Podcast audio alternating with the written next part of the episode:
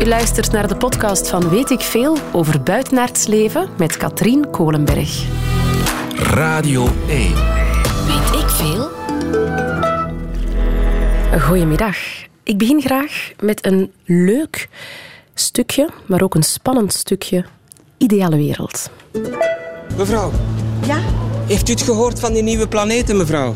dat- dat er eh, zeven zouden zijn, hè? Ja? Nieuwe. En daar zit volk op, hè? Er zullen tussen die aliens wel een paar goeie tussen zitten, maar. Dat is gelijk bij de Belgen, hè, meneer. Voilà. Maar ik zou Bij de. Belgen zijn ook goede en slechte bij. En bij de vreemdelingen ook. Ja, en bij de aliens misschien ook, maar ik zou toch niet graag hebben dat mijn dochter met een alien thuis Nee, dat komt. niet. Dat niet. Jij ook niet, hè? Nee, nee.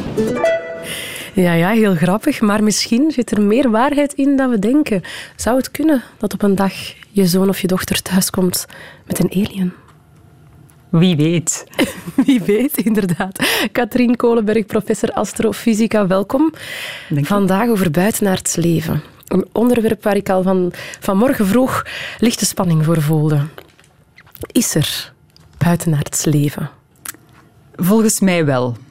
Ik denk dat er buitenaards leven is. Gewoon eh, uitgaande van wat ik weet als wetenschapper, van hoeveel sterren er zijn, hoeveel planeten daar ronddraaien en ook wat de, ja, de grote variëteit van leven op onze eigen planeet, dan zou het mij heel straf lijken dat er niet ergens anders ook leven zou zijn. Ik kijk nu even rond in de studio naar mijn collega-technieker Danny. Die, eh, ja, wij zijn eigenlijk allebei zo van... Dus ja, het is er. Punt. Bij deze is het gezegd door een echte wetenschapper. Eh, We hebben het nog niet gevonden. Hè? We hebben het nog niet gevonden. We zijn op zoek naar planeten waar eventueel leven op zou kunnen ontstaan of zijn. Ehm, maar we hebben nog geen tekens van dat leven gevonden. En zijn het dan, als jij zegt, ik hoogstwaarschijnlijk wel, of ik geloof van wel, zijn dat dan ook rare mannetjes die onze planeet zullen komen overnemen? Of moeten we het niet meteen in die richting gaan zoeken? Zelf zoek ik niet meteen in die richting, ook omdat ik weet hoe moeilijk het is, en dat weten we allemaal, om onze eigen aarde te verlaten en ver te gaan, echt naar andere sterren te reizen. Dat zit er voor ons mensen momenteel nog niet in. Eh, dus in die zin, ja, ik- het is best mogelijk dat er andere beschavingen zijn die veel verder gevorderd zijn en veel meer weten van fysica en ondertussen al heel wat, ja, heel wat meer kunnen dan wij, toch technologisch.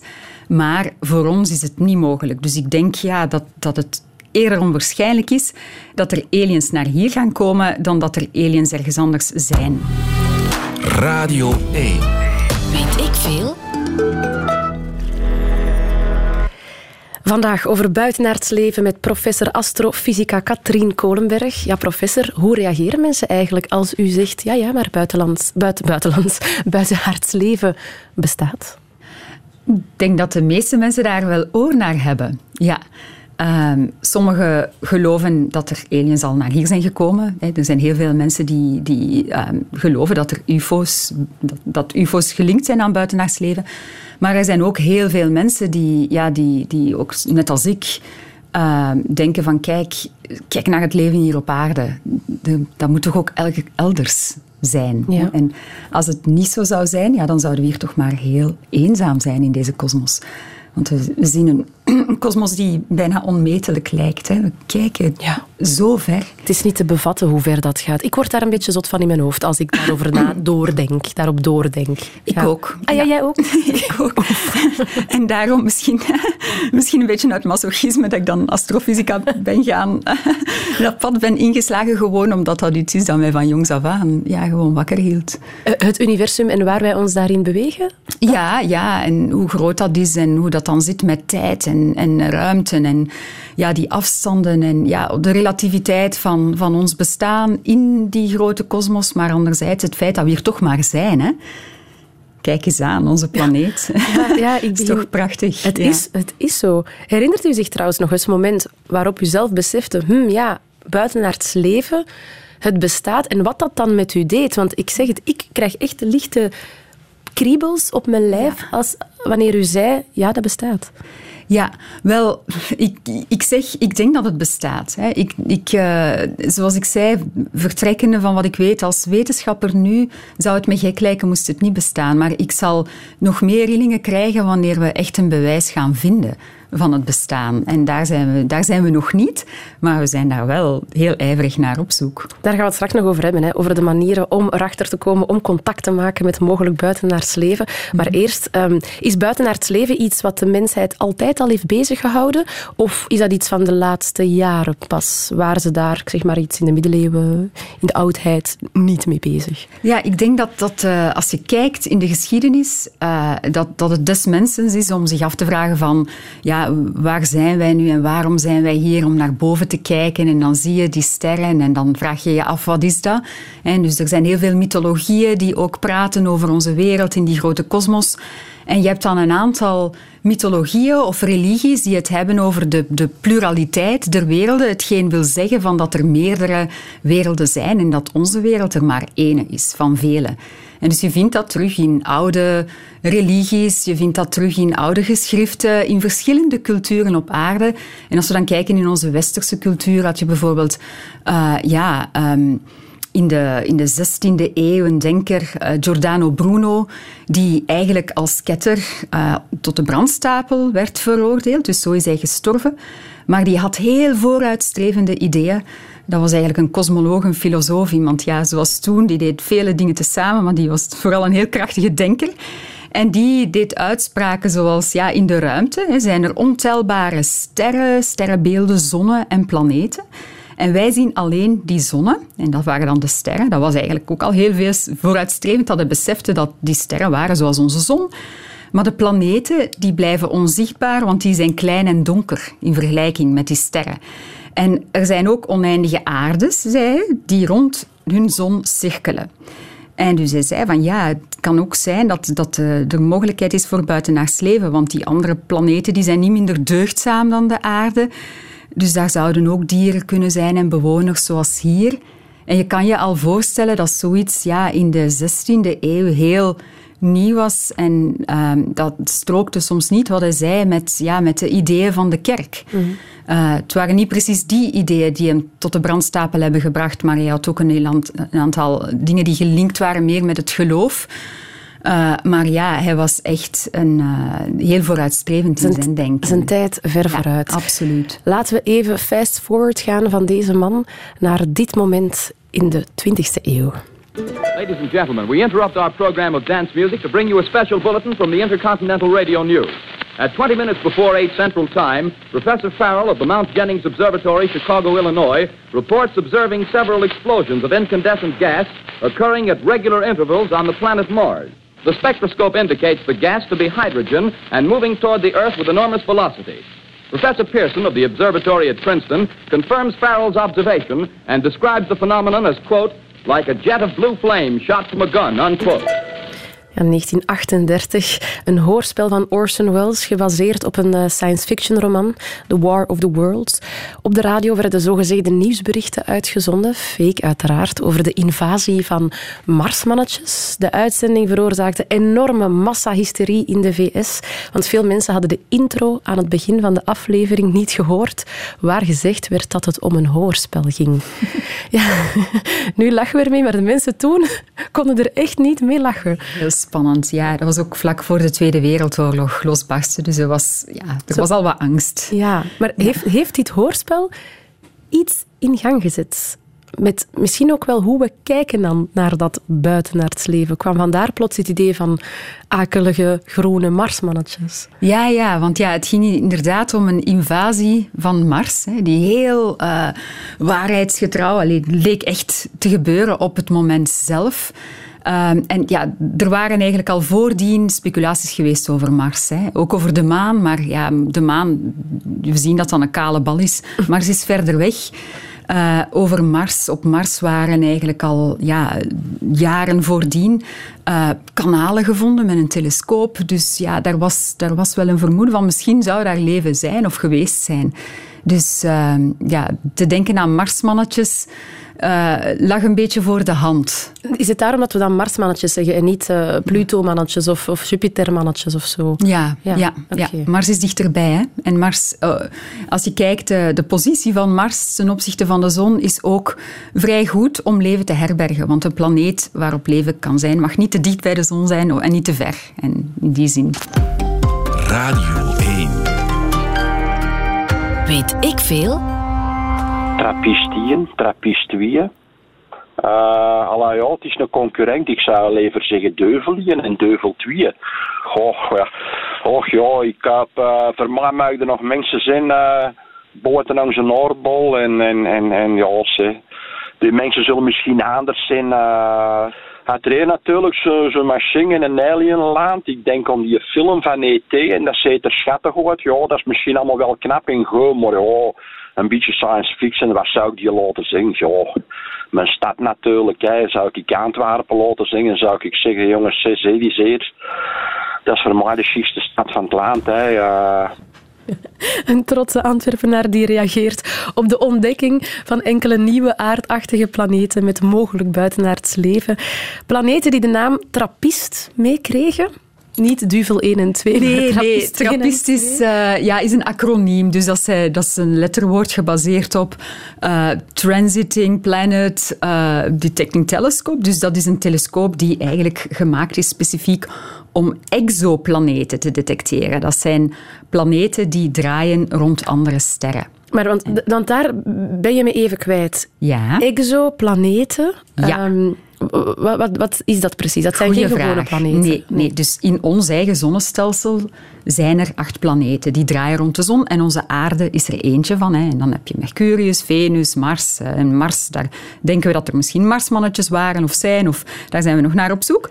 Maar je hebt ook andere sterren. En die andere sterren zijn net zoals onze zon eigenlijk. Onze zon is een ster. En rond die andere sterren draaien ook planeten. En dat weten we nu met zekerheid sinds 25 jaar, dat er rond andere sterren planeten draaien. En die planeten noemen wij exoplaneten. Omdat die weg zijn van ons ja. zonnestelsel. Ja, dus of exosolaire, zeggen ze soms extrasolaire planeten. Ja. Dus niet rond onze zon, maar rond andere sterren. Rond andere sterren, Ja. zonnen, want er zijn meerdere zonnen. Onze zon is niet de enige zon. Nee, onze zon is een gewone ster. En alleen al in onze melkweg. En onze melkweg kan je je voorstellen als een, een eiland van sterren. is eigenlijk een spiraalvormig eiland van sterren. Daar zijn 200 miljard sterren bij benadering in onze, in onze eigen melkweg. Dus dat is ons eigen eiland van sterren. En onze zon is er daar eentje van. En dus die andere, ja, honderden, meer dan 100 miljard sterren, uh, daar zijn er heel veel van die ook planeten hebben. En natuurlijk, ja, we weten niet of daar leven is of niet, maar het zou wel eens kunnen. Het zou kunnen, omdat die een beetje vergelijkbaar zijn met hoe onze aarde werkt rond die zon dan en zo. Ja. Want, want ik ga nu misschien een heel domme vraag stellen. Alhoewel, er zijn geen domme vragen, Nee. zeggen ze toch altijd. Maar um, u zei daarnet, het is moeilijk om naar die plek te gaan, want dat is ver en dat kost veel tijd. Mhm. Dan vraag ik me af, maar hoe, hoe, hoe, weet, hoe weet jij dat dan, dat daar nog andere zonnen zijn en andere exoplaneten? Hoe, hoe moet ik dat geloven? Hoe kunnen wij dat weten als we er niet eens naartoe kunnen? Ja, dat is een heel goede vraag. Um, en ja, we weten het ook nog niet zo lang, hè, dus het is heel moeilijk om zoiets te gaan detecteren. Maar daar straks gaf ik die quote van Giordano Bruno. Hè, die zei van rond andere sterren draaien er ook planeten. En hij had gelijk. En hij zei ook van die planeten zijn donker, dus die kunnen we moeilijk zien. Maar wat dat we wel zien, zijn die sterren. En dus wij kunnen sterren nu met heel grote precisie waarnemen. En we kunnen zien als er kleine afwijkingen zijn in het gedrag van sterren. Dat kan dan wijzen op het feit dat er een planeet ronddraait. En dus daartoe zijn wij in staat sinds enkele decennia om dat met voldoende precisie te tonen van kijk, rond die ster draait waarschijnlijk een planeet. Dus eigenlijk door naar de sterren te kijken, proberen jullie andere dingen te interpreteren. Ja, ja. inderdaad. Ja, ja. Dus we eigenlijk al het licht dat we krijgen vanuit de kosmos komt van sterren. Hè. Dus we, we het, zelfs in ons eigen zonnestelsel, wij zien de planeten omdat die het licht van onze ster, van de zon, weerkaatsen. Ah, we zien niet de planeet zelf. Zien, ja, de planeet zelf straalt niet in het zichtbare licht, maar die weerkaatst het zichtbare licht van de zon. Ja. En dus als je onze ster ja, heel, heel ver weg zou gooien, dan, uh, ja, dan zie je die planeten niet meer. Want bijvoorbeeld Pluto, Neptunus, Uranus, die zie je niet met blote oog, maar die zijn er wel. Met een telescoop kan je ze zien. Hè. Maar als je dan die sterren nog eens miljoenen keren verder wegzet hè, en dan daar de planeten rondzoekt, dan zie je ze niet meer. Maar wat je wel kan detecteren, is het effect dat de planeet heeft op de ster. En dus er zijn verschillende technieken om Ja. te zoeken naar het bestaan, de aanwezigheid van die exoplaneten. En ja, als je wilt, kan ik die kort uitleggen. maar ik denk dat we dan misschien dat ons te ver gaat leiden. Misschien, ik Dus- weet niet of ik ze zou snappen. Ja, maar absoluut. We hebben, ja. Denk aan een straatlamp. Hè? Ja. En soms heb je ja, de vliegen die worden aangetrokken door licht. Hè? Dus die draaien rond de straatlamp.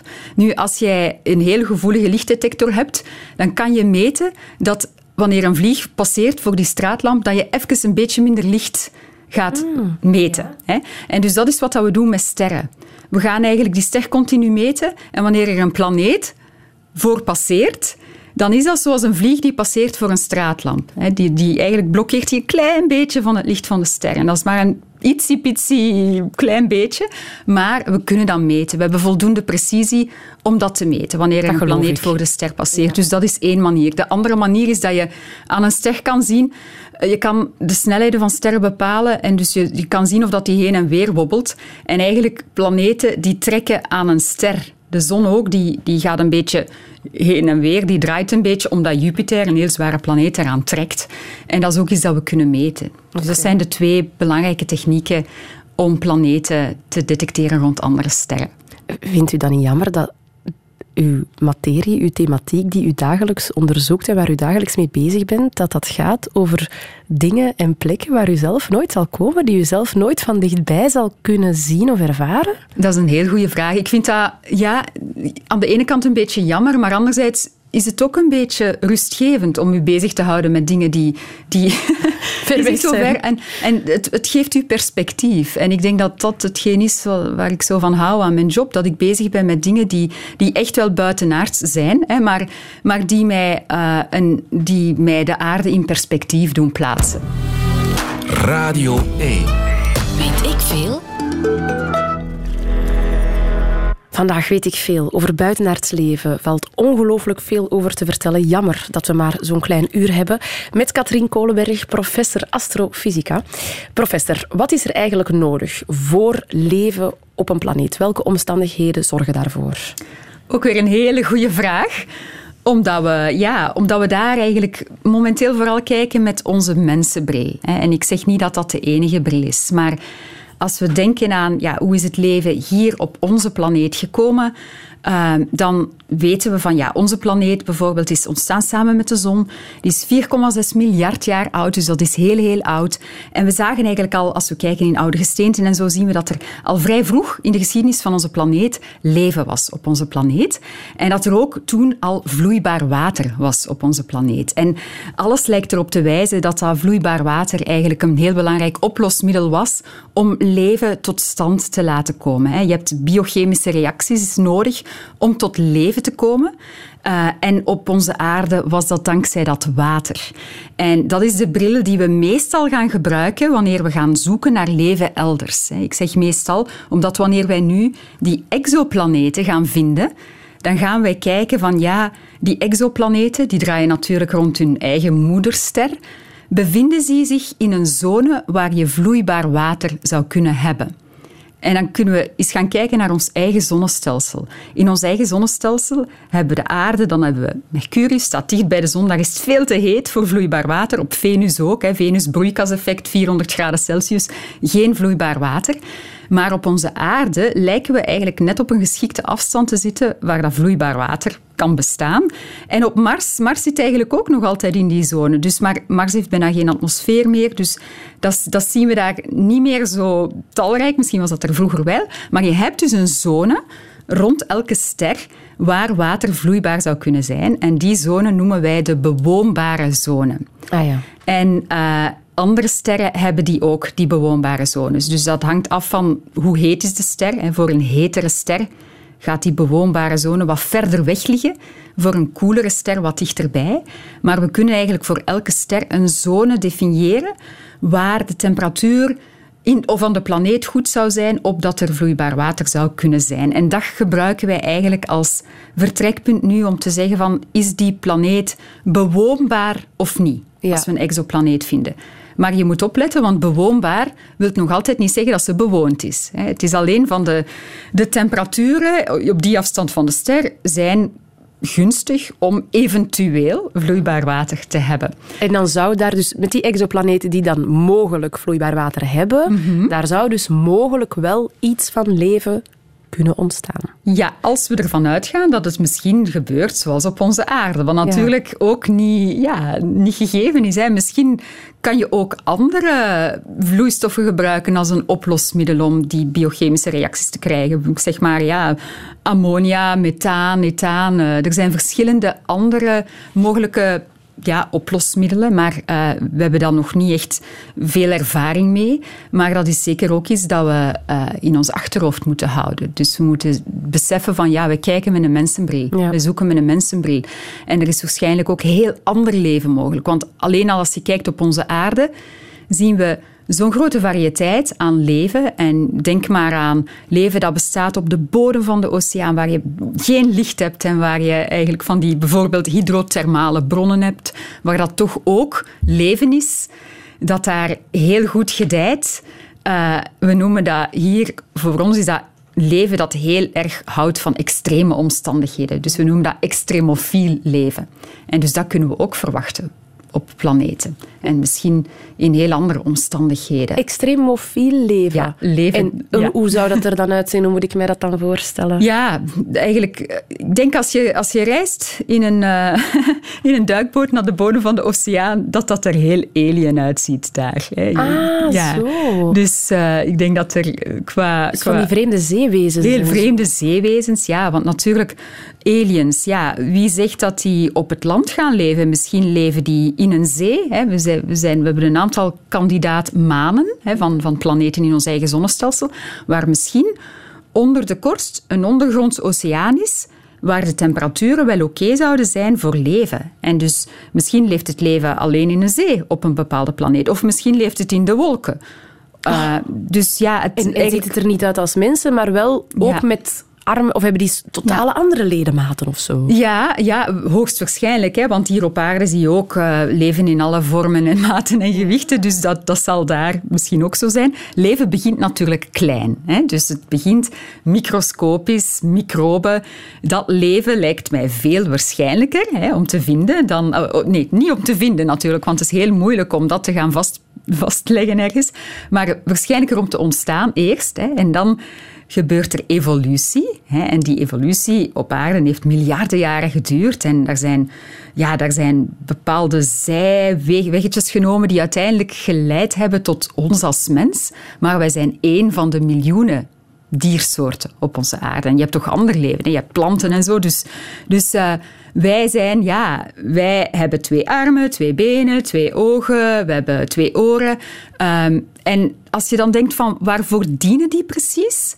Dan kom je eigenlijk tot, ja, waarom hebben wij armen en benen? Dat is de evolutie die ervoor gezorgd heeft dat, dat wij ons aanpassen aan onze omgeving. Dat is, dat, ja. En evolutie is, ja, hoe past een, een, een, een leven hè, zich aan aan de omgeving? En de wetten van de fysica die hier gelden, gelden op die planeet ook. Dus op die manier kan je wel verwachten dat, ja, dat, dat dezelfde principes van evolutie elders ook gaan leiden dat tot, dat is, ja, ja, dat is heel zintuigen. Dat is heel interessant dat je dat zegt, want er is een luisteraar, Thomas, en die zegt er wordt vaak gesproken over planeten waar leven mogelijk is, maar heeft Darwin, Darwin ons niet geleerd dat het leven zich aanpast aan de omgeving en dat leven dus eigenlijk overal mogelijk is? Ja, dankjewel Thomas. Dat is een hele goede opmerking, inderdaad. Dus het leven op een planeet zal zich aanpassen aan die planeet. En, die dat hangt af van, ja, van wat is de massa van die planeet? Wat is de samenstelling van die planeet? Hoe is de atmosfeer van die planeet? En ook belangrijk, wat is de ster? Hoe is de ster waar die planeet ronddraait? Mm. Is dat een heel hete ster of een koelere ster? Hoe lang gaat die leven? En al die zaken hangen samen. Uh, om dan te komen tot ja, van hoe zou dat leven daar ontwikkelen? En alleen al op aarde zie je miljoenen soorten. Dus ja, daar buiten ook. ja. Radio 1. Weet ik veel? Shalom.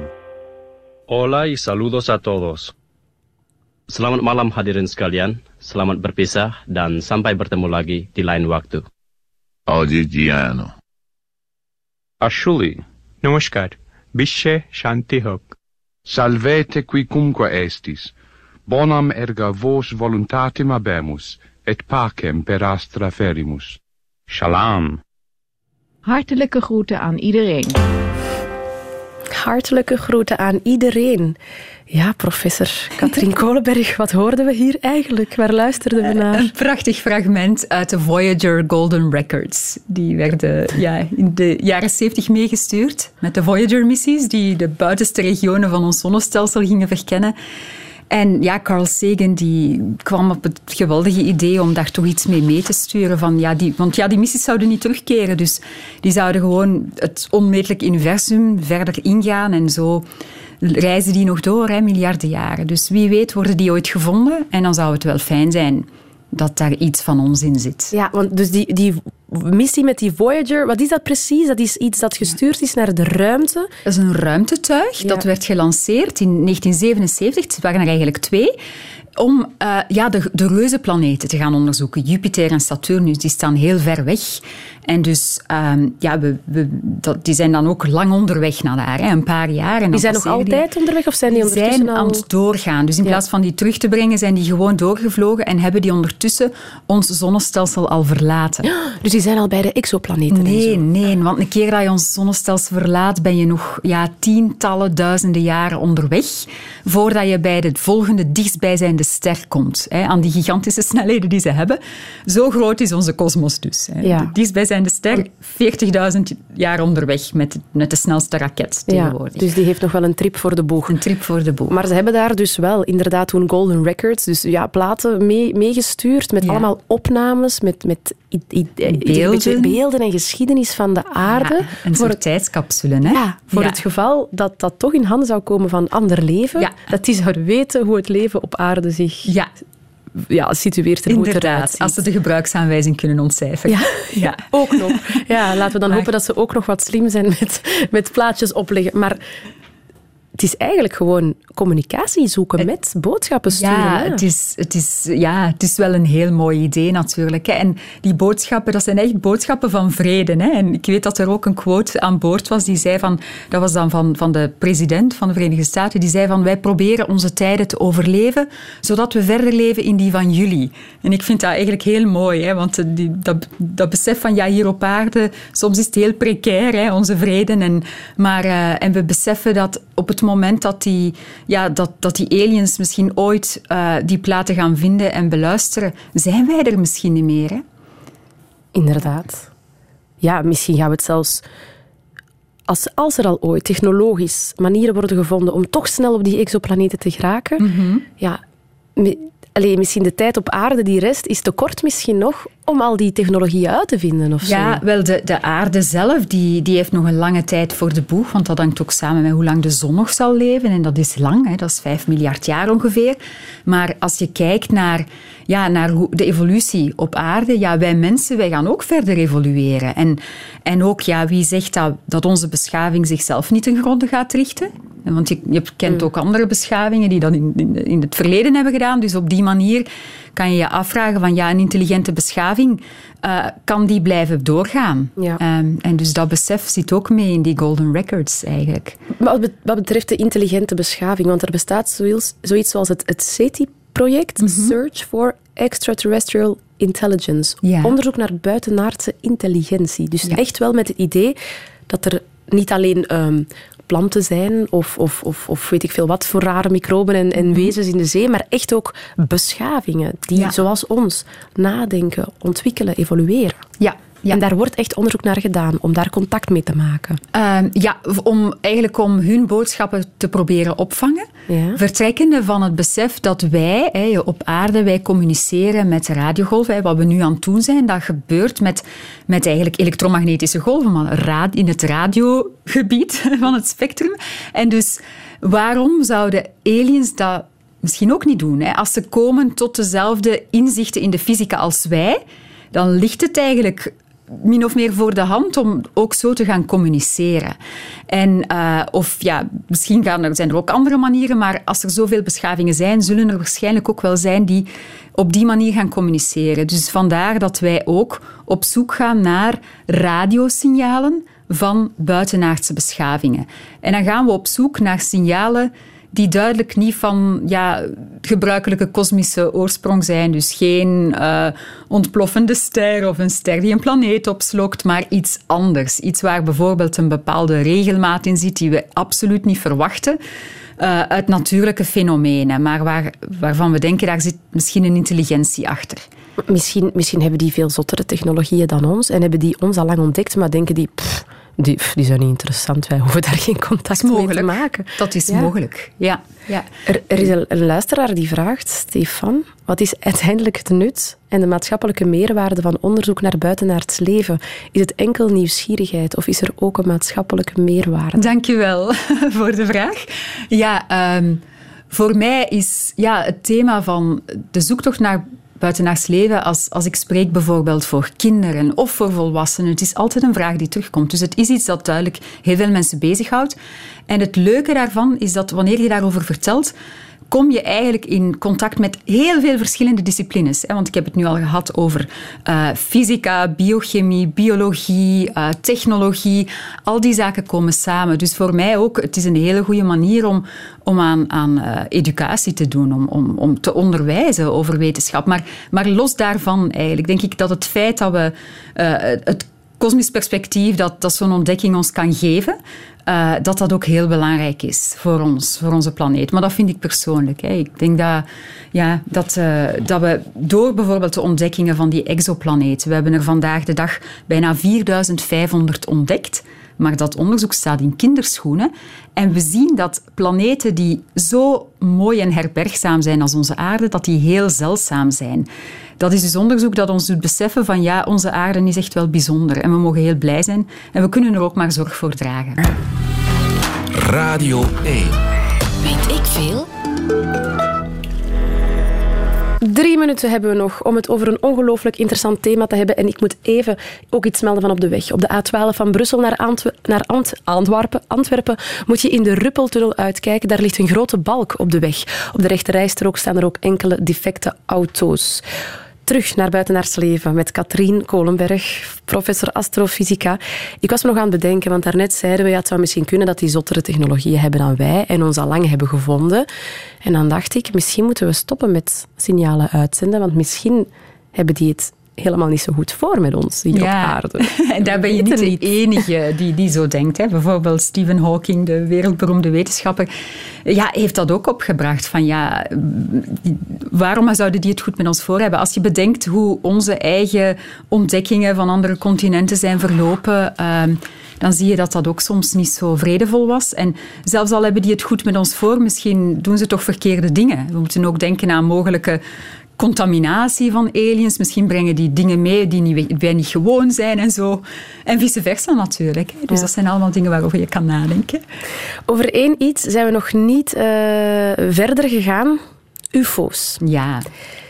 Laatste tijd weer veel rond te doen. Zeker nu dat uh, Amerika onlangs een groot geheim rapport ook heeft uh, uitgebracht. Waarin ze eigenlijk erkennen, ja, ze bestaan wel. We weten niet wat het is, maar we gaan het ook niet meer ontkennen dat ze er niet zijn. Of er niet meer zo mysterieus over mhm. doen. Mm -hmm. Ja. Um, ja, ja het, is, het is inderdaad goed dat, het geloven. Ja. ja. het is goed dat ze er niet mysterieus over doen, maar ze hebben wel de, de benaming UFO, Unidentified Flying Object, ongeïdentificeerd vliegend object, veranderd naar Unidentified Aerial Phenomena, dus een, een ongeïdentificeerd luchtverschijnsel. Ja. Want heel vaak blijkt het toch iets te zijn dat gelinkt is met een luchtverschijnsel, of het is een ballon of een drone van een, van een, uh, de, ja, van een andere natie of zo, die, waarvan je geen weet had.